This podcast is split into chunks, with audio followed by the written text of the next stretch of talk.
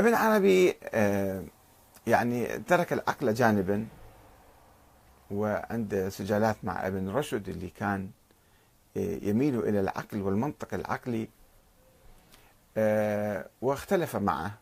كان في نفس في قرطبة. وأيضا ابتعد عن القرآن في الحقيقة وابتعد حتى عن الأحاديث. صار يقبل بالأحاديث الضعيفة. ولا يبحث في السند.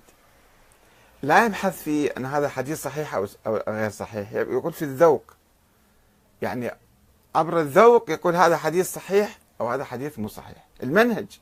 مشكلته الآن أنا لا أريد أن أتحدث كثيرا عن مقال يحتاج دراسات وكتب مؤلفة حول ابن عربي ولكن المنهج الأساسي مالته يعتمد على عنده نظريات مثل نظرية الولاية.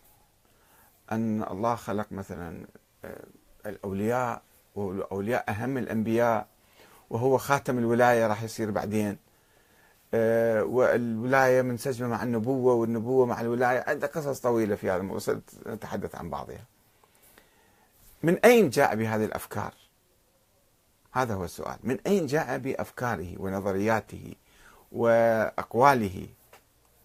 لم يأتي بها من القرآن لم يأتي بها من العقل لم يأتي بها من الأحاديث الصحيحة. جاء بها من الذوق والكشف والإلهام. أنه يلهم إليه صار يدعي الإلهام. الفتوحات المكية يعني إلهامات جتة. وكان في مكة يطوف وهناك موجود وصارت تنزل عليه آه، يعني علم لدني صار ينزل عليه من الله.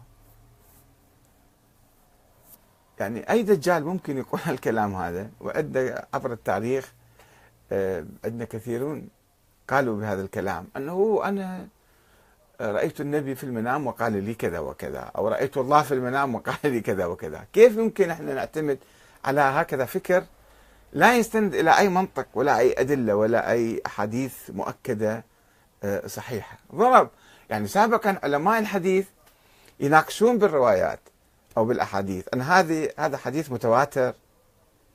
الإمام أحمد بن حنبل كان يقبل فقط الأحاديث المتواترة. الإمام عفوا أبو حنيفة. أه البعض لا أحمد بن حنبل كان يتوسع أكثر.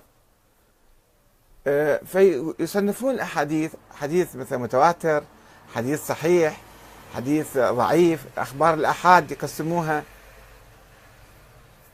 وعلماء الرجال وعلماء الحديث يشتغلون كثير حتى يدققون بعض الروايات. ويجي صاحبنا ابن عربي كل هالعلم يضربه. ما, ما نحن لسنا بحاجة لا للفقه ولا الفقهاء ولا إلى أحاديثهم. إنما نظرياتنا وأقوالنا تجينا من الله بالإلهام بالكشف. فهذا الكلام يعني هو هم الأنبياء شنو كانوا؟ أكثر الأنبياء أقرأوا القرآن الكريم. يجيهم الوحي بالمنام. النبي إبراهيم عليه السلام. يرى رؤيا يعتبرها وحي. أو يعتقد أن يؤمن بها أنها وحي. حتى النبي محمد كثير ما كان يجي الوحي بالمنام كان يجي. وإذا إجا واحد وقال أنا هم يجيني إلهام من الله يعني كاد أن يقول أنا نبي. ويفرقون بعض الصوفية يفرقون بين النبي عنده شريعة جايب أحكام وفقه وكذا. أما هذا النبي العارف يسموه العرفاء أو الصوفية فهو ما عنده شريعة جديدة عنده نظريات هي مثل النبوة جايته من الله تعالى. وخلص صارت بعد هذا حقيقة يعني هذا بعد صار نبي لازم نؤمن بكلامه. والصوفيين الذين يتبعون ابن عربي يعتقدون كلامه كله صحيح كأنه منزل من الله تعالى. وهنا المشكلة. أن كثير من النظريات والأفكار هي ما لها أي مستند. فماذا تفيدنا اليوم هذه النظريات؟ من نعرضها نقرأ ابن عربي في عصور الانحطاط في القرن السادس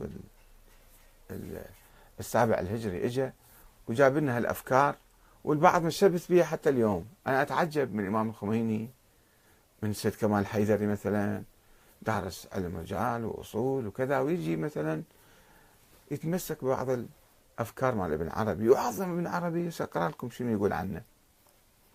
هذه مصيبة حقيقة. أنه نبني أفكارنا وعقائدنا ونظرياتنا على هالخرافات والأساطير اللي جاب جاب لنا جابها ابن عربي. أو ابن عربي صوفي كبير عارف. أه شوية نتحدث لكم عنه. الصوفية يقسمون الناس إلى ثلاث أقسام.